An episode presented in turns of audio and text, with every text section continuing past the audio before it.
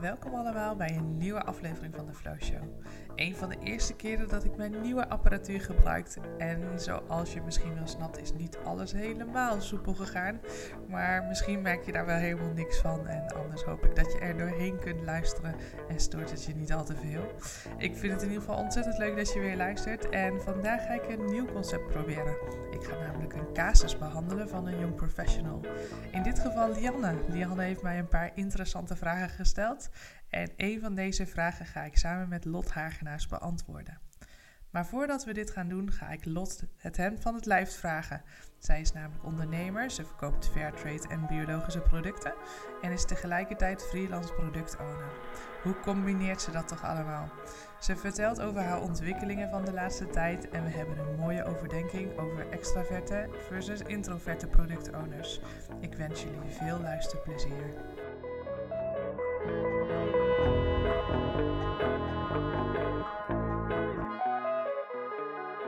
Welkom Dankjewel. in de podcastshow. Dank je. Nou, leuk dat je hier bent, Lot. Ja, ik vind we het ook zitten, leuk. We zitten bij Mobley, om, allebei een bekende plek voor ons. Zeker, Omdat zeker. we via Mobley ook gewerkt hebben en werken. En ehm, nou, ik eh, ben heel benieuwd naar vandaag. Wil je jezelf eens voorstellen en vertellen wat je doet? Zeker. Eh, ik ben Lot Hagenaars. Eh, momenteel werk ik als freelance product owner bij Nationaal Nederlanden. En hiervoor heb ik meer als projectmanager gewerkt.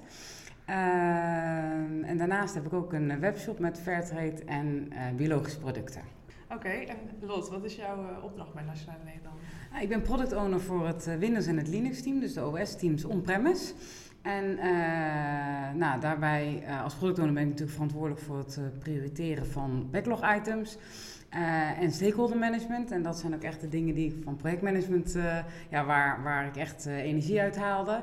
Dus ja, vind ik het heel leuk om dat in deze rol met agile te combineren. Want ja, de afgelopen jaren raakte ik wel steeds meer enthousiast door agile werken. En zoals, ja, ben ik nu heel blij dat ik echt in een agile omgeving werk. Ja, want je bent dus vroeger, ben je, of vroeger, een aantal trajecten geleden ben je projectmanager ja. geweest. En hoe is die transitie dan gegaan van projectmanagement naar productowner? Ja, eigenlijk uh, al heel lang geleden, voordat, voordat ik weer projectmanager werd. Ik werkte bij een vrij klein bedrijf als projectmanager. En uh, nou, bij een klein bedrijf is het eigenlijk heel makkelijk. Dan zeggen ze op vrijdag, maandag zijn we agile. En dan heb je ineens een scrumboard en was ik product owner. Um, uh, maar dat was een vrij klein bedrijf waar ik, ja, op een gegeven moment had ik tien keer hetzelfde gedaan zoals toen aan het nieuws. En uh, toen ben ik als, um, op detacheringsbasis gaan werken bij een consultancybedrijf. en waren er gewoon meer projectmanagement klussen, dus kwam ik meer voor in aanmerking. Dan heb ik dat vijf jaar gedaan. Uh, toen, ben ik voor, nee, toen ben ik nog even projectmanager geweest bij een uh, BI-leverancier. Toen ben ik voor mezelf begonnen. En na mijn eerste opdracht dacht ik, ja, nu wil ik toch echt wel gewoon voor een agile opdracht gaan. Dus heb ik daar ook echt wel, uh, heb ik eigenlijk projectmanagement klussen, en heb ik minder op gereageerd. Omdat ik echt voor product owner wilde gaan. Ik heb ook wel voor Scrum Master gere gereageerd. Maar product owner sprak me wel het meest aan, omdat dat meer, wat ik zelf altijd zeg, Scrum Master is meer intern in het team. En product owner is meer extern, buiten het team. En ik vind dat externe uh, ja, veel leuker dan, uh, dan in, intern in het team. Ja, want je hebt, je hebt dus echt een hele duidelijke keuze gemaakt. Hè? Van, ik ga af van de dus standaard projectmethodieken ja. eigenlijk. Ik wil gewoon agile werken. Ja. Wat is het dan in agile werken wat je zo aanspreekt? Nou, ik heb heel veel projecten gezien die, uh, nou, klassiek projectmanagement, je maakt een design en requirements en uh, mijn project duurt twee jaar of anderhalf jaar en tegen die tijd dat het af is, is het eindresultaat eigenlijk niet meer waar, waar de klant op zat te wachten. En met agile werken speel je natuurlijk veel meer in op, op die veranderende wensen van, van, uh, van de eindgebruiker of van de klant. En uiteindelijk, ja, de wereld verandert, om je heen verandert eigenlijk zo snel. Je kan er niet meer omheen om daar niet op ingespeeld te zijn. Om, om gewoon uh, die veranderingen aan te kunnen. Zonder een ingewikkeld RFC-proces of weet ik veel, change boards die dingen moeten approven. Ja, en agile werken lever je gewoon incrementeel op. Iedere twee weken, wij hebben een sprint van twee weken op dit moment. Ja, toetsen we gewoon bij onze stakeholders van, hé, hey, gaan we nog de goede kant op? Je kan heel makkelijk bijsturen. En ik geloof er ook echt wel, wel in dat dat ja, wel de manier is om snel waarde voor waarde te kunnen leveren. Daar gaat het eigenlijk om. En volgens mij zijn er heel veel mensen die het heel moeilijk vinden om echt zo uh, continu te moeten uh, aanpassen aan veranderende wensen. Dat merk ik ook in mijn huidige rol. Dat uh, ja, soms gaan we een beetje naar links, maar dan moeten we toch weer bijschuiven naar rechts. Uh, maar dan, ja, dat is dan best wel lastig om mensen ervan te moeten overtuigen. Maar ik, ja, ik geloof daar wel. Ja, want waar loop je dan tegenaan? Wat zijn dan Um, ja, dat we bijvoorbeeld, uh, we zijn een bepaald pad ingeslagen, maar dat blijkt niet het goede pad te zijn. En dan willen we eigenlijk uh, een beetje bijsturen. Maar dan uh, binnen NN werken we dan met spikes, dus een onderzoeks, één sprint waarin je een onderzoek doet. En als we bij moeten, wordt er eigenlijk om een nieuwe spike gevraagd. En dan zeg ik, ja, we kunnen niet weer een sprint verliezen aan een, een onderzoek. Ik merk dat, ja, dat dat gewoon wel wennen is voor mensen om dan daar makkelijk op in te spelen. Ja.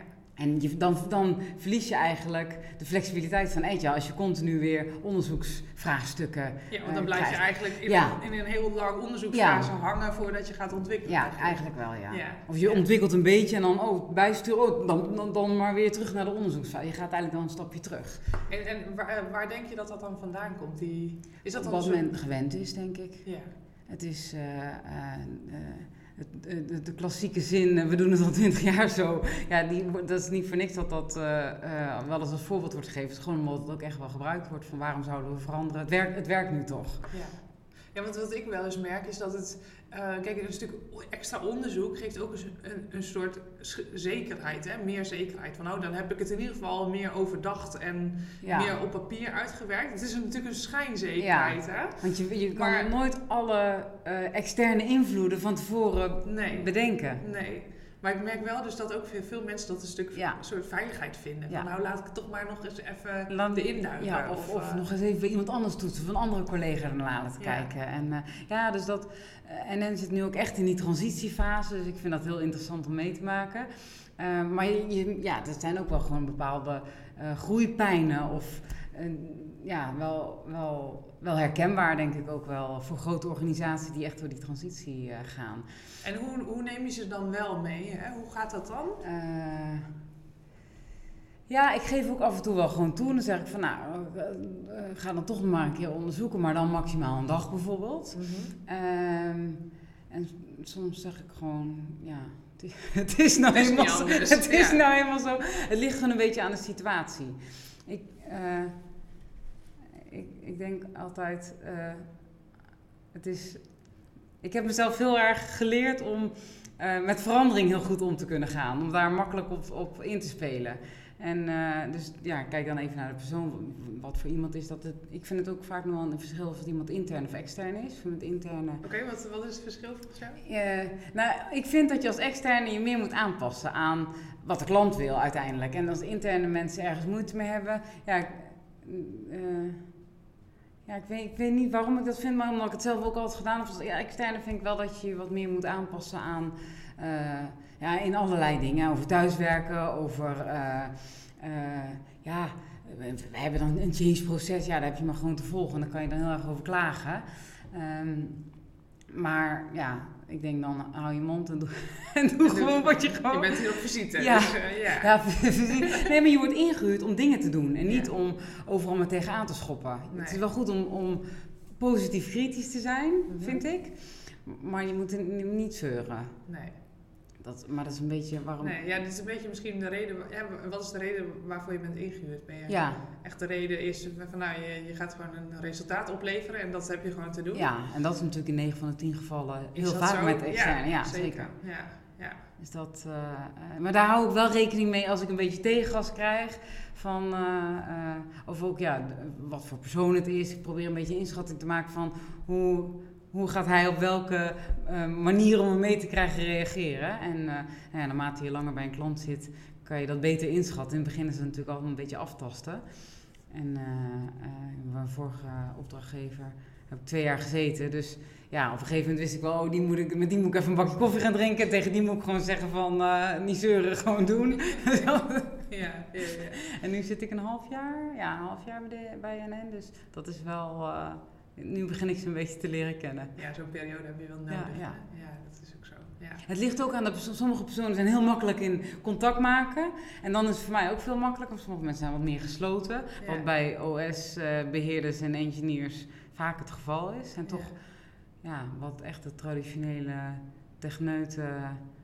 Niet, Ja. op, niet op een zolderkamer, maar een beetje dat idee, zeg maar. Ja, ze gamen meer, ze zijn minder, eh, ja, wat minder outgoing, denk ik. Ja. En wat spreek je daar dan zo in aan? Want jij bent daar wel... Hè, je, je Ik vind- wel Ja, dat is eigenlijk een goede vraag. Goede vraag. Ehm, ja, ik vind het, eh, ik vind het dan wel leuk om op een gegeven moment wel als team iets voor elkaar te krijgen. Om dan gezamenlijk zo ergens voor te staan of zo. Om dan, dan eh, ergens trots op te zijn. Mhm. En eh, ja, ik heb ooit mijn aller, aller, allereerste werk na, eh, nadat ik mijn HBO-afdeling af, eh, opleiding had afgerond. eh, werkte ik bij eh verzekeringsmaatschappij Deltaloid. En toen zat ik echt op een vrouwenafdeling. Toen dacht ik, oh, dat, dat is niet echt wat voor is mij. Dus ik vind het ook wel relaxed om met mannen te werken. Dat, het is wat minder, eh minder geroddel en minder, m- minder gedoe. Je, je hebt wel eens een woordenwisseling, maar dan is het uitgepraat en dan is het ook uitgepraat. Dat En is goed. met, ja. met dames kunnen nog wel eens... Ja, en toen? Die onthouden alles. Onthouden alles, ja. Behalve ik. Ik vergeet, ik vergeet het dan weer ik, oh ja, shit. Ja, ja. En eh, je hebt nu eh, dus echt wel die transitie gemaakt, hè? Van, nou, sowieso van traditioneel projectmanagement naar agile werken. Ja. Eh, maar je kiest ook nu heel erg voor eh product owner zijn. Ten Ja. opzichte van misschien Scrum Master zijn. Die, eh, die rol heb je ook gehad. Ja. Wat is volgens jou het essentiële verschil tussen die twee? Ja, Scrum Master zit echt meer op het proces en, dat, en, en ook een beetje coaching. En daar ben ik wel minder goed in, eh, zeker op, op technisch vlak. Eh, en ik vind dan product owner, ja, daar zit wat meer, de, voor mijn gevoel, dan wat meer de projectdynamiek in. Van eh, veel praten met stakeholders, waar, waar zijn ze mee bezig? Je moet natuurlijk altijd de businesswaarde bepalen van je user stories. Dus dan heb je heel veel contact met eh, ja, je, je klanten. Het zijn natuurlijk gewoon collega's eh, in mijn geval. Maar je hebt heel veel contact met mensen die iets, een product van ons team afnemen. En dat vind ik heel erg leuk. En eh, nu werk ik echt met een DevOps team, dus er komen ook nog heel veel ops dingen naar mij toe. Dat vind ik wel minder leuk, want het is gewoon, er is een, ik heb een incident aangemaakt, ja, er wordt naar gekeken. Eh, ik heb een change aangemaakt, dat zijn wat, ehm, ja, wat meer, hoe zeg je dat? Dingen die, ja, een beetje de ongoing zaken, zeg maar. Het is minder spannend. of Minder zo. spannend, ja. Het zijn gewoon de, de wat meer de dingen die gewoon vaker voorkomen. Een nieuwe server opleveren, eh, rechten veranderen, dat soort dingen. Ik vind dan de nieuwe dingen wel echt interessanter. Ja. We gaan eh, over op een nieuw virus scannen. Nou, dat vind ik dan echt wel een gaaf project om, eh, om aan te pakken. En Ja. ook om te kijken van, ja, we schakelen met security, oké, en welke eisen moet het voldoen? Is het houdbaar? Ehm, of onderhoudbaar moet ik zeggen. Ehm, hoe zit het met de kosten? Want dat is natuurlijk, ja, bij een commercieel bedrijf speelt dat ook altijd nog wel een rol in keuzes. Dus dat vind ik leuk om dan daar zo tussen te laveren en te kijken, ja, hoe kunnen we nou voor alle partijen de juiste keuze eh, maken? Ja. ja, en ik denk ook dat als je het vergelijkt met traditioneel projectmanagement, en waar kom je dan uit? Waar, waar vergelijk jij het dan mee? Mm. Ja, het is een beetje. eh, je vertegenwoordigt de klanten. Dus het is een beetje een combinatie van eh, opdrachtgever en projectmanager. Ja. En eh, ik had laatst een artikel gelezen over eh, een projectmanager. wo- Word je nou Scrum Master of word je nou Product Owner? En toen zei iemand, eigenlijk zijn de, de, de taken van een klassiek projectmanager onderverdeeld over de Scrum Master en de Product Owner. En dan de taken die mij het meest aanspreken, die zitten echt bij de Product Owner. Dus dat, die, dat past gewoon beter bij mij. ja, waar je het had over stakeholder ja, management. ja, dat soort eh, dingen inderdaad. Dat, Ja. Stakeholder management, ja, dat vind dat. eh, en het is niet, niet eens het. ehm, ik vind het gewoon heel leuk om veel contact te hebben met verschillende partijen. ja, En dat is met een Scrum Master natuurlijk veel minder, omdat je echt meer op het, op het team op het bent. Ja, Ja. zeker. Waar je weer veel meer tegen procesdingen Ja. aanloopt of teambuildingsdingen. Ja. Dat zit natuurlijk minder aan de Ja, productowners. ja. Ik moet wel zeggen dat ik bij eh, dat soort dingen ook, dat soort events zeg maar ook gewoon aanwezig ben eh, in mijn huidige Mhm. rol. Ehm, dus ah, de retro en dat hoort er ook wel, maar ook, eh, we hebben dan agile coaching, nou dat doen dan de Scrum Masters en de product owners samen. Dus dat, dat soort dingen, ik vind het wel leuk om, dat, om, om die procesdingen wel van de zijlijn mee te maken. En eh, eh, we hebben ook een agile coach, dus eh, ja, die houdt je ook echt wel een spiegel soms voor. En ik val ook nog wel eens in de, in de valkuilen die, van de projectmanager die product owner wordt. Want dan zegt hij, ja, je moet alleen de wat en de hoe, niet de hoe. En dan zeg ik, oh, wow, shit, shit, doe ik het weer. dus, maar dat, ja, dat is ook gewoon een leerproces. Het is ook gewoon gewenning. Ik ben zo gewend geweest om ook de hoe soms in te vullen. Ja. Ja, dat het soms, ja, is het gewoon lastig om dat even los te laten. Ja. En wat zijn er nog andere dingen waar je dan tegenaan loopt of waar je misschien wel eens wakker van ligt? Waar ik echt wakker van lig. eh, nou, dat, dat niet, niet zozeer. Maar dingen waar ik tegenaan loop. Ja, is dus inderdaad. Ik, is, soms ga ik op iemand anders een stoel zitten. Ehm, bij ons in het team zitten vrij eh, introverte mensen. Dus ik moet, eh, daar heb ik me nu echt op ingesteld om dat wel te doen. Want ik ben best wel extravert. En als dan niemand iets zegt, dan ga ik het maar zeggen. Maar onze coach zei van je moet eigenlijk iets langer je mond houden, want dan, dan komen andere mensen ook wel. Maar je, je, je maait eigenlijk het ga- gas voor hun voeten weg. Ehm, maar dat is wel, ja, dat, dat vind ik soms wel, zit ik echt op mijn tong te bijten. Van, hou je mond, hou je mond, hou je mond. En als er dan op het laatst iemand zegt van, eh, bijvoorbeeld met de retro van, en eh, iemand nog verbeterpunten? En dan wacht ik en dan wacht ik. En dan zegt hij, nou dan gaan we verder. Dan zeg ik, oh nee, ik had nog wel een dingetje, maar ik probeer echt iedereen. Ja, dat heb ik echt wel even moeten leren. Ja. Dat heb ik natuurlijk eerst eh, vier keer eh, verkeer- verkeerd gedaan. Ja, maar dat is, dat, ik denk dat het heel klassiek is voor überhaupt het verschil tussen extraverte mensen en intro, Zeker. introverte mensen. Zeker. Waar introverte mensen gewoon misschien eerst wat meer de nadenktijd nodig hebben of ze voor Ja. zichzelf willen formuleren in hun hoofd voordat ze iets zeggen. Ja, En, en dat, dat extraverte natuurlijk te min of meer alles uitflappen wat ze Ja, bij ja. Dus dat herken ik bij mezelf, dat ik er dan uitflap en denk, oeh, had ik dat nou Oh. eh, wel zo moeten zeggen?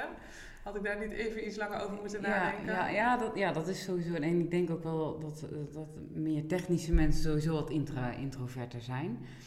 En eh, ja, dat, ja dat, dat is zeker gewoon wel een verschil. En ik denk ook dat als je heel introvert bent, dat je geen product owner wordt. Nee. Dan, dat, dan wordt het wel een lastige Ja, rol. denk je dat? Ja, dat denk ik. Je moet natuurlijk wel. Ja, misschien. Ik, dat is even zo wat, wat me gelijk, waar, waar ik gelijk aan denk van. Ja, je moet misschien ook wel wat makkelijker zijn in communicatie en wat makkelijker dingen ook kunnen zeggen. Want je moet ook heel vaak nee kunnen zeggen. Nee zeggen. Dus dan moet Ja, je. je bent wel prioriterend, zeg maar, in je, in je, Ja. in je backlog natuurlijk. Ja. Maar zou een introvert dat niet Ja, kunnen? m- misschien wel hoor, maar ik denk als ik dan kijk naar mezelf. eh dat is even gewoon in de, in de dagelijkse eh, werkzaamheden. Mhm. Ik zeg dan wel tegen iemand van. Bel gewoon even je collega op om het even af te stemmen. Ga niet via een ticket in ServiceNow de hele tijd op en neer pingpongen. Eh, en, en ja, als product owner moet je dan natuurlijk ook... Pak even de telefoon, of wij doen eigenlijk alles via Skype, maar bel even op en dan eh, kan je het heel even afstemmen. Het is soms- maar drie minuten, maar dan weet je wel... Soms begrijp je net iemand niet goed of zo, dat... dat, dat eh, ehm, dan moet, je, ja, dan moet, je, moet je wel durven of dat moet wel in je zitten om dat contact makkelijk te kunnen zoeken. Ja. En ik weet dan niet of dat met introvert extravert te maken heeft, maar je moet wel eh, het contact kunnen maken. ja, zeker. Nee, dat ben ik zeker met je eens. Zeker omdat je vaak een heel groot veld hebt aan spelers die Ja. je allemaal moet bedienen. Ook allemaal weer op hun eigen manier, Ja. hè, zoals je net zei. Denk ik wel dat het belangrijk is dat je ehm, makkelijk kunt formuleren wat je, wat je denkt en wat je voelt. Ja, Ehm, maar ik ben er nog niet van overtuigd dat het per se extravert is. ja misschien is dat wel iets te stellig, maar ik zit nu ook te denken aan mijn collega-PO'ers. En het zijn allemaal wel mensen die ja, wat ma- misschien makkelijk in de omgang, die wat, wat eh, bepaalde souplesse hebben in eh, contact maken en, en eh, een gesprek voeren. Ja, ja, dat geloof ik. Ja, dus misschien dan is extravert niet, de- niet de juiste term om te gebruiken. Hey, en wat, zou nou, ehm, wat, is nou, eh, wat heb je nou de afgelopen week nog geleerd? Zijn er nog dingen die je... De afgelopen week. Nou, ik ben eh, gestart met een coachingstraject. En ehm, eh, nou, ik gaf haar een paar voorbeelden van dingen waar ik dan tegenaan loop. En ehm, we kwamen eigenlijk tot een conclusie. Zij legde dan uit dat er drie verschillende manieren zijn van communiceren. En dat is ouderlijk, volwassen en kinderlijk. En uh, zij zei, we, kwamen eigenlijk samen tot de conclusie dat op het moment dat iemand mij op een ouderlijke toon aanspreekt, dus of heel directief of betuttelend, dat ik dan als een rebels kind reageer. En uh, uh, zij zei van, dat komt ergens vandaan. Dat vond ik wel leuk. Ze had me dan als opdracht meegegeven om terug te kijken op mijn leven. Van, uh, je kan het dan opsplitsen in delen van zeven jaar of in belangrijke gebeurtenissen. Dus ik heb dan gewoon gedaan alles voor de middelbare school. Middelbare school, ik ging op kamers zo. Ik ben er nog niet helemaal achter waarom ik te, niet, te, niet tegen betuttelend directief kan. Maar ik heb daar wel al heel veel van geleerd um, door, dat inzicht. En... En door niet gelijk, eh, zoals extraverte mensen, gelijk te reageren, maar ze heel eventjes, al is maar drie seconden, even nadenken van wat wil die persoon eigenlijk bereiken met deze vraag of met deze opmerking. Uh, en eigenlijk heb ik nu, ik heb een intake gehad en een één sessie en nu uh, aanstaande vrijdag de tweede sessie. Ik denk, ik heb nu al het idee dat ik ervan geleerd heb. Dus dat is wel uh, interessant en dat heb ik ook met onze coach, onze teamcoach zeg maar. Die, ja, die ziet mij natuurlijk de hele dag, dus die weet precies wanneer ik. Die ziet het bijna al aankomen als ik in mijn valkuil stap. Dus dan zegt hij Lot. En dan zeg ik, oh ja, ja. Dus die bewustwording, uh, uh, daar ben ik veel meer mee bezig. Ja. Ik ben me veel bewuster van dat ik bepaalde dingen niet goed doe. In deze rol. Dus niet, niet als mens niet goed, maar in deze rol. en daar leer ik eigenlijk iedere dag wel van. Ja, want heb je het ook in je dagelijks leven, vraag ik me dan af. In mijn privéleven? Ja. Ja, ook wel. Ja. Dus ik, ik heb ook een coachingstraject achter de rug. Ja? En ik merk toch eigenlijk wel dat alle parallellen die ik op mijn werk, waar ik harder tegenaan loop, misschien omdat het uh, dynamischer is, um, dat het eigenlijk net zo hard in mijn privéleven ook tegen. Ja, ik heb dat eigenlijk ook wel. Want als, als uh, uh, ik noem dat dan altijd ongevraagde, goed bedoelde adviezen. Daar kan ik soms ook, en dat is een beetje betuttelend soms, hè, kan ik dan daar ook niet zo goed tegen. En ik denk, ach, muts. dus dat klopt wel. Ik, ik, ik denk ook niet dat je op je werk een heel ander persoon kan zijn dan in je privéleven. Je bent, blijft toch gewoon dezelfde persoon. Ja. En, en, je hebt wel een rol met verantwoordelijkheden. Ja. Maar hoe die rol uitgevoerd wordt, ja, dat, is gewoon, ja, ben jij gewoon. Ja. ja. En, en ik zou er ook niet kunnen om een hele andere rol op mijn werk, of een heel andere persoon op mijn werk te moeten spelen. Dat lijkt me heel uh, vermoeiend ook. Ja. Wat was de reden dat je eigenlijk voor coaching koos en niet voor een training bijvoorbeeld? Of... Ja, ik, ik heb daar wel over nagedacht. Um, ik, had, uh, ik heb al Scrum Master training en Product Owner training gedaan. En uh, ik had een training gezien voor uh, Advanced Backlog Management. Dus dat, dat, leek me wel interessant.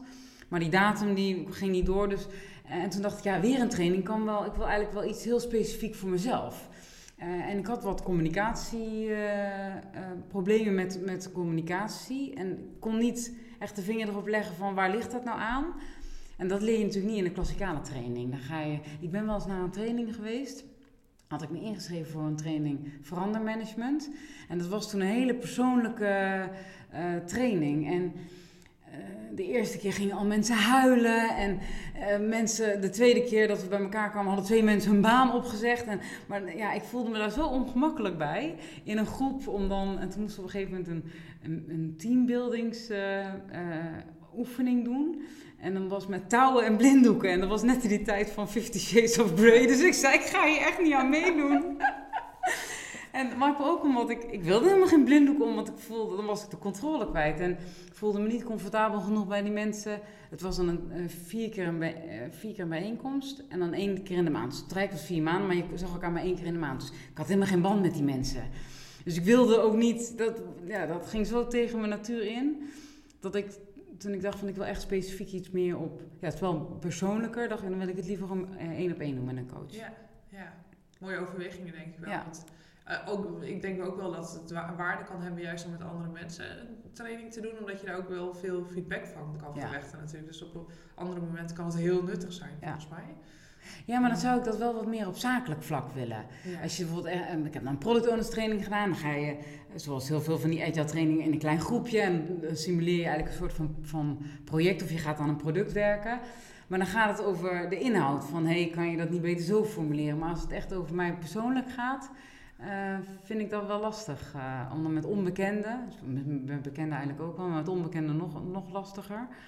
Uh, je moet jezelf echt blootgeven. En ja, dat, spreekt me minder aan. Ja, nou, dat kan, ja, zeker. Ja. zeker een Ik denk dat, dat, ik, dat ik aan zo'n één op één coaching trek, dat ik er uiteindelijk ook meer uithaal op dit moment. Misschien is het over twee jaar weer heel anders. En ik ken wat mensen die zo'n coachingstraject hebben gedaan, die daar heel enthousiast over waren. Dus dat was voor mij ook wel een reden om te zeggen van, nou, dan ga ik, dan ga ik daar me toch eens in verdiepen. Ja, leuk. Ja. en wat zijn nou voor jouw toekomst? Hè? Waar zie jij dan nog jouw ontwikkelingen? Waar denk jij nog... Uh verder in te kunnen groeien? Uh, genoeg dingen. Um, ik denk, uh, nou, daar had ik het toevallig vandaag nog over met uh, onze teamcoach. Ik zei, ik zei tegen hem, ik kan me soms heel moeilijk accepteren dat mensen echt anders zijn in bepaalde dingen. En daar kan ik echt nog wel in leren. Want dan zeg ik wel echt van, nou, ik moet deze informatie echt even verwerken. Want ik begrijp er helemaal niks van. Een beetje overdreven natuurlijk, ook een beetje rebels kind. Uh, ja, dan zou ik, uh, ik probeer wel uh, rekening te houden met mensen. Maar als ik dan vind dat de mening van iemand anders echt onzin is, dan laat ik dat merken. En dat is eigenlijk niet een hele nette eigenschap. Dus daar zou ik wel uh, wat, misschien wat diplomatieker of wat politiek correcter uh, kunnen worden. Uh, ja, en ik denk op product ownerschap ook echt nog heel veel. Want backlog management is gewoon best wel complex. En ik kreeg natuurlijk een backlog met. Ja, daar stonden dan allemaal dingen op. En dan zei ik, ik weet allemaal niet wat het is. Ja, maar dan weet je toch, dat is een nummer van de patch. Ik zeg, maar dat is geen user story. Dus ja, nou, nu heb ik er eindelijk een beetje mijn eigen backlog van gemaakt. Het heeft best wel lang geduurd. Um, en, uh, ja, want hoe ga je daarmee om? Hè? Je komt midden eigenlijk in een bestaand... Ja, nou, ik wilde niet op mijn eerste dag alles wat ik niet begreep weggooien. Want dat kan ook zeker aan mij liggen. Dus ik heb eerst geprobeerd van, kan ik de dingen begrijpen? Kan ik ze anders formuleren waardoor ze voor mij begrijpelijk zijn? Um, uh, het, maar het is ook moeilijk om te prioriteren als je de organisatie nog niet goed kent. Als je, uh, dus eigenlijk mijn, mijn manager binnen NN is mijn belangrijkste stakeholder. Dus die zegt van nou, deze thema's zijn het belangrijkst dit jaar. Uh, dus op basis daarvan prioriteer ik. Um, maar je, moet, ja, je kan niet binnenkomen en gelijk de hele boel omgooien. Want dan heb je iedereen tegen je in het harnas gejaagd en dan krijg je nog niks van elkaar. Dus je moet, daar wel, ja, je moet ook wel een beetje je plekje verdienen, denk ik, uh, in een team. Uh, en ja, ik heb nu inmiddels doe dit soort werk al acht jaar. Ja, je leert dat ook wel steeds beter. En ik merk ook wel, uh, om nog even terug te komen op je eerdere vraag van met introverte mensen en... Uh, uh, dat dat ergens ook wel klikt of zo. Dat, omdat je dan zo anders bent, dat je dan ook wel weer respect hebt voor elkaar. Dat het, ja... Dat, dat, het vult elkaar toch wel aan. Het vult elkaar aan, ja. Dat is misschien wel... Ja. Ja. Ook in een, in een team. Ja, want je hebt natuurlijk allerlei verschillende soorten mensen nodig. Ja. Ja, dus dat... Uh, maar ik denk dat, ja... Uh, qua... er zijn echt wel teams binnen bij ons die veel verder zijn in Agile Majority. En dan kijk ik ook wel eens wat die product owners doen. Ja, die zeggen gewoon van, leuk, ik kan een user story voor je aanmaken, maar leg mij maar eens even uit wat de business value is. En dan ga ik wel prioriteren. Want heel veel mensen zeggen van, kan je user story ook aanmaken voor de volgende sprint? En eh, in het begin viel ik dan nog wel eens in die foco van oké, doe ik. En dan gingen we uh, sprintplanning doen. En dan, ja, dan viel die er vanaf, want dan was hij niet belangrijk genoeg. En dan kreeg ik natuurlijk op mijn lazer, want hij zei het was toch voor de volgende sprint. dan dacht ik, oh ja, daar moet ik wel wat van leren. Even iets anders aanpakken. Even iets anders aanpakken, inderdaad. En, uh, maar soms weet ik al bij de aanvraag van deze, deze user gaat het nooit redden. Dus dan kan ik beter maar gewoon nee zeggen. Van die gaan we niet doen, want om die en die reden. We zijn bezig met een nieuw platform, dus, en dit is nog oude, oude wereld. Um, dus die dingen denk ik, uh, om daar wat alerter op te reageren. Want je geeft mensen ook een soort van valse hoop van... oké, ik zet het op de, op de backlog. Ja, uh, als mensen dat nu tegen mij zeggen, dan denk ik ook... ik, ik lig in de prullenbak. Ja, precies. dat is uh, zo'n makkelijke zin om ergens van af te komen. Ja. Um, daar, daar, daar, daar zie ik ook echt wel leerpunten voor mezelf. Echt prioritering, het nee zeggen, de juiste inschatting maken van waar moet je wel tijd aan besteden, waar niet. Ja. Uh, en ook wel, um, en dat is dan omdat het product waarvoor ik nu product owner ben, dat staat best wel ver van me af. Um, is, ja, het is echt wel de rol van de product owner om ook het waarom over te brengen op het team. En dat vind ik nog soms wel eh, lastig. En dat heeft de- deels te maken met het product. Maar ook omdat ik ze- zelf daar echt nog wel een ontwikkeling kan doormaken. Ja. Dus dat eh, Ja. eh, ja, zijn wel echt punten waar ik eh, aan wil werken. Mooi. Maar dat is ook, ja, ik denk dat je nooit uit... Ik, dat idee heb ik, ik denk dat ik nooit uitgeleerd raak. Nee, nee, en elk stapje verder geeft weer nieuwe uitdagingen, ja. denk ik altijd. Ja. Dus het wordt ook steeds complexer, lijkt het wel. Maar eh, ik vind het ook wel heel erg leuk om mezelf te blijven ontwikkelen. Ja, Heb jij dat ja, zeker, zeker. Ik zou niet tien jaar hetzelfde willen doen. Nee. Dat had ik dus bij het bedrijf waar ik voor het eerst product owner was. Ja, dat was gewoon een product voor de reisbranche en de implementatie. Daar was ik dan ook eh, bij betrokken. Ja, op een gegeven moment was dat gewoon een beetje het standaard riedeltje. En toen, haalde ik er geen plezier meer uit, omdat er ja, geen uitdaging meer in zat eigenlijk. Nee. Nee, zeker als een product gewoon niet heel standaard Ja. wordt en geen innovaties meer in Nee, verschiet er zitten al heeft. wat features bij. En eh, Ja. uiteindelijk hebben zij wel echt een hele eh, innova- eh, innovatieslag doorgemaakt. Maar dat kwam voor mij een beetje te laat. Dat duurde mij een beetje Ja. te lang. Ja, dat kan natuurlijk. Ja. En dat is ook wel, ik merk ook aan mezelf dat ik na, ja, na twee jaar gaat het ook echt wel kriebelen. Dat ik denk, ik wil wel weer wat nieuws. En Ja. dan of een nieuwe rol of eh, een nieuw bedrijf. eh, ja, dat is, Nieuwe opdracht. ja, nieuwe opdracht. Ja. En dat is ook wel de, een van de Ja. redenen waarom ik ben gaan freelancen. Dat Ja. je die vrijheid eh, hebt. Ja, maar ik zie het ook, want, want naast productowner zijn doe je nog veel meer, volgens mij. Vertel eens een beetje wat eh, op business vlak, wat doe je nog meer? Ja, ik ben dit jaar een webshop begonnen. Ik wilde dat eigenlijk al heel lang. En ik zat me te denken, oh, dan moet je allemaal voorbereiden. En toen dacht ik ineens, ik denk altijd, je moet er gewoon mee beginnen. En kijken, weet je, de problemen los je gaandeweg wel op. En toen dacht ik, ik, ik begin er gewoon mee. Eh, en ik wilde eh, heel graag iets doen. eh, ik zeg dan zelf producten voor een betere wereld. Of die iets bijdragen aan een betere wereld. Dus of fairtrade of met biologische ingrediënten. Dus nou, dat vind ik bijvoorbeeld ook heel leuk om een zoektocht naar de juiste producten voor mijn webshop. Het zijn allemaal een beetje lifestyle producten. Ehm, en daarnaast heb ik me in een eh, gekke bui ingeschreven voor een halve marathon met oud-collega's. En dat is volgende maand. Dus ik loop ook echt veel, eh, ja, 30 kilometer per week of zo. Daar gaat, ja, daar gaat gewoon best wel veel tijd in zitten. Ja. Zondag weer twee uur, dus dat is echt Nou, respect hoor. Mij niet gezien, zeg maar. Ja, ik ben als eerder gaan trainen voor een halve marathon. Toen vond ik het echt heel saai. En toen, ik weet nog wel dat ik er anderhalf uur moest lopen. En toen liep ik en toen dacht ik, oh, iedereen zit lekker op het strand met een boekje. En hier, ik loop hier met zo'n paars hoofd door de duinen. Waar ben ik mee bezig? Maar nu haal ik er echt wel plezier uit. eh. Ja. Ja. Dus moet misschien, ja, daar groei je misschien ook wel een beetje in. ja. Dus ik ben heel erg benieuwd eh, hoe dat zal zijn. Ik heb al twee keer nu, drie keer misschien 19 kilometer gelopen. Dus dan, ja, die 21 haal je dan ook wel. Natuurlijk. Ja. Ehm, Op karakter. op karakter. Hoe dan ook. Precies. Ja. En, eh, ehm, en dan, ik woon nu nog in Den Haag. Volgend jaar ga ik verhuizen naar eh, Rotterdam. Maar de CPC is een bekende hardloopwedstrijd in Den Haag. De halve marathon komt bij ons door de straat. Dus ik dacht, Ja. nou, als afscheid Ja. van Den Haag ga ik Ja. dat nog wel... eh, ga ik, als het goed bevalt, ga ik dat nog een keertje doen. Ja. Eh, ja, verder zit ik op Spaanse les, al heel lang. Ik ben in 2003 heb ik een half jaar in Spanje gewoond en eigenlijk sindsdien altijd wel bijgehouden. Eh, dus dat, eh, nou, gisteren bijvoorbeeld had ik, had ik mijn eerste, of mijn tweede les alweer van dit seizoen. Ehm, ja, en dan, eh, ik heb echt wel liefde voor Spaanse taal, dus ik kijk ook heel veel se- Spaanse series op Netflix. En eh, ja, Oh, dat is dan wel, als ik even gewoon wil relaxen, dan, dan doe ik zoiets. Ja. Ja. Gaaf. Ja, Ja, Nou, wees daar- erbij. Ja. daar vul ik mijn dagen zo'n beetje mee. Nou, en je avonden. En mijn avonden, ja, ja, ja. Nou, ik moet wel zeggen, ik eh, had eerst eh, echt veel reistijd. En nu dus eh, met de fiets. Ja.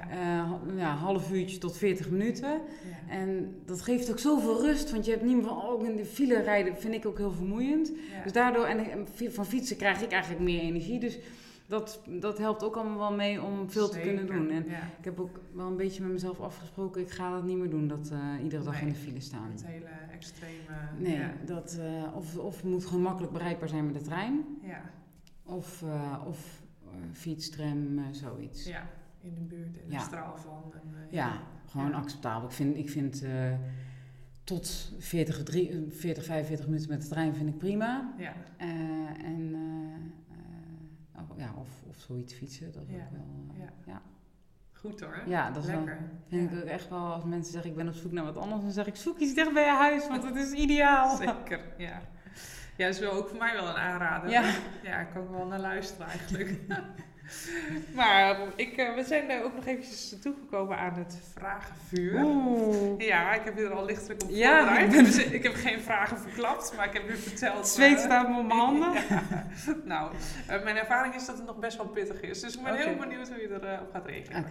Maar het is eh, bedoeld om eh, in een paar korte vragen eigenlijk jou eh, wat beter te leren kennen. Ja. En ehm, vertel dus ook gewoon het eerste wat in je opkomt. Dus ehm, nou, een van de leukste vragen die ik eigenlijk eh, wel van je wil weten is... waarop in jouw leven doe jij geen concessies? Geen concessies. Ik doe geen concessies op vakantie. Ja? Ja, ik vind het heel leuk. eh, wij, ja, mijn vriend en ik proberen eigenlijk ieder jaar wel een verre reis te maken. En eh, ik vind het ook echt wel belangrijk. Ik vind het is echt zo'n. Ik vind het heel leuk om, om nieuwe dingen te leren kennen. eh, om eh, andere omgeving, andere cultuur, dat soort dingen, om daar kennis mee te maken. Dus eh, nou, alleen volgend jaar doen we een kleine concessie, maar dan gaan we verhuizen. En dan, Ja. dan wordt anders gewoon echt te veel. Ja. Dus, dat, maar dat is, denk ik, we zijn nu tien jaar samen. Dat is denk ik het eerste jaar dat we niet te Dat verre, niet gaat. dat we niet een verre Ja. reis maken. Dat denk, ik, ja, dat denk ik wel. Ja, en ik maar doe ook geen concessies aan. eh, ik zal nooit, omdat ik laat thuis ben, een pizza bestellen. Ik, doe, ik kook iedere dag. Oh, Ja. wauw. Ja, Heel knap. dat, eh, ik vind ook echt ontspanning. Ja. En zo een beetje de groenten snijden en een beetje roeren. En, eh, ja, en mijn vriend die haalt op vrijdag heel vaak, die vindt dan vrijdag echt iets voor een frietje of iets een beetje ongezonde hap. En ik maak dan echt Gewoon iets. voor ja, jezelf Ja, maak ik zelf iets. Soms maak ik ook voor twee dagen, gooi ik een pakje in de vriezer en dan een andere keer eet ik dat op. Het komt echt zelden voor. Ik denk dat ik de keren dat ik iets haal, dat per jaar dat op één hand te tellen Ja. zijn. En uit, maar mij- wel ja. uit eten, dat, dat doen we wel. Ja, ja, ja, ja. Maar goed, dat vind ik voor mij geldt eigenlijk wel hetzelfde, maar dat komt omdat ik in een strakke regime van kinderen zit. Die gewoon elke dag gewoon, vind ik, een fatsoenlijke maaltijd voor zich moeten hebben staan. Dus friet eh, of eh, pizza of andere afhaaldingen zitten bij ons eigenlijk ook niet. Nee. Nee. Af en toe vind ik het wel jammer hoor. Eigenlijk, ik zeg ook wel eens tegen Mark, ik moet ook wel ergens de vrijheid hebben om af en toe te zeggen, ik wil niet koken. Ja. En nu moet het dan maar een keer anders. Maar wat je zegt, op één hand, denk ik. Ja, ja, Ja. dat is. eh, ik, vind, ja, ik vind het. eh, het is voor mij wat ik zeg ontspanning. En, en ik geloof er ook wel in als je eh, gezond eet, dat je je gewoon beter gaat voelen. Ja, ja zeker. Dat je er ook echt wel meer energie van krijgt. En Ja. zeker omdat ik nu zoveel hardloop voor, de, voor die halve marathon, eh, let ik daar ook heel erg op. Ja. ik, ik merk ook als ik dan een keer een avond, eh, weet ik veel, eh, een wijntje te veel heb gedronken. Of dat ik de volgende dat het ook minder goed gaat. Dus, Het hakt erin. ja, Ja. ik ben ook al bijna 40, hè, dus ga je dat merken. Nee, maar het is wel waar. Ik denk echt dat voeding echt... Ja, Als je goed voor jezelf zorgt. Gestel Ja, echt gewoon. ja, dat denk ik ook wel. Ja. Oké, en wat is het best besteden uur in jouw projecten? Als je één uur mag besteden, waaraan zou je dat dan besteden? Mm, wat zou ik besteden aan ehm, uitleggen waarom eh, dingen, waarom bepaalde keuzes worden gemaakt in, ten aanzien van prioriteit. Ehm, op dit moment eh, is security voor ons heel belangrijk, maar dat is heel veel documentatie en dat vinden mensen niet leuk. Maar het is wel, klanten vragen dat en de Nederlandse bank vraagt dat. Dus het is heel belangrijk. Het is belangrijk om het bedrijf draaiende te houden, bij wijze van spreken. Ehm, dus daar zou ik het aan besteden. Aan, want ik, ik denk dat als mensen meer begrijpen waarom bepaalde keuzes worden gemaakt, dat, dat je er ook meer je best voor doet. Of als je dat begrijpt, als je daarachter staat. Ja, ja dat geloof ik ook wel. Ja. Mooi, mooi, mooi, mooi, eh, mooi antwoord, zeker. hey, en ehm, waar geloof jij in wat anderen gek vinden? Waar geloof ik in wat anderen gek vinden? Of vast een heleboel dingen. nou, vandaag zei iemand tegen mij, of nou, een van mijn collega's zeg maar. eh, dat ging dan eigenlijk over de Spaanse les. Eh, van, jij gaat echt ergens voor. En ik zei maar, ja, ik zei maar niet voor alles, maar de dingen die ik kies, eh, daar ga ik echt voor. En ik geloof erin dat als je, dat ik geloof erin dat je alleen maar keuzes moet ma- maken waar je echt achter staat, omdat je dan alleen maar echt resultaat kan bereiken. En ehm, bijvoorbeeld mm, blijven in een baan voor het geld moet je niet doen, want dan ga je er niet gelukkig, gelukkig van worden. Eh, ik, ja, ik ben ook wel een beetje opgevoed met, je moet gelukkig zijn. Ik ben twee keer gestopt met een universitaire studie, omdat het echt niet bij me paste. En eh, heel vaak hebben mensen tegen me gezegd, oh vind je dat niet zonde? En ik zei, nee, ik heb er geen seconde spijt van gehad. Want ik werd er niet gelukkig van. En, en dat is wel waar ik in geloof. Je moet dingen doen omdat je er gelukkig van wordt. En niet omdat iemand anders het wil of omdat uh, het meer geld oplevert of omdat, nou, om, om wat voor andere redenen dan ook. Terwijl... Maar het vraagt ook wel een soort van vastberadenheid of zo. Hè? Ja. Oké, je maakt een keuze, maar dan, dan wijkt daar ook bijna alles Ja, en ik heb, ik heb wel keuzes gemaakt uh, die op de korte termijn minder leuk waren. Maar ik dacht, ik heb een doel voor lange termijn op het oog. Dus moet ik deze, met, met name werkgerelateerd dan... Ehm, bijvoorbeeld mijn eerste opdracht uh, als externe, ja, was ik een soort van projecthulpje. Dat vond ik echt niet leuk. Maar ik dacht wel van, als ik nu laat zien wat ik kan, dan krijg ik misschien wel een, een, een gaver project of een gaver rol. En dat gebeurde wel. Ja. En, en uh, ik heb echt wel, bij mijn eerste, mijn eerste werk ook wel, zat ik op een supportafdeling de hele dag de telefoon op te nemen en vragen te beantwoorden. Ja, na anderhalf jaar heb je dat echt wel gezien. Maar, maar ja, kijk daar nog steeds met, met veel positiviteit op terug. Ik heb daar echt wel dingen van geleerd. Ja. Dus Dat, dan kan ik aan mezelf verantwoorden van ik doe misschien nu iets uh, waar, waar ik niet 100% gelukkig van word. Ja. Maar draag wel bij aan het, aan het toekomstige Ja. geluk. Ja, heel mooi. Dit was mijn interview met Lot. En zoals beloofd gaan we nu door met het nieuwe onderdeel, de casus. Je hoort eerst de vraag die Lianne voor ons heeft. Daarna gaan Lot en ik hem naar eer en geweten beantwoorden.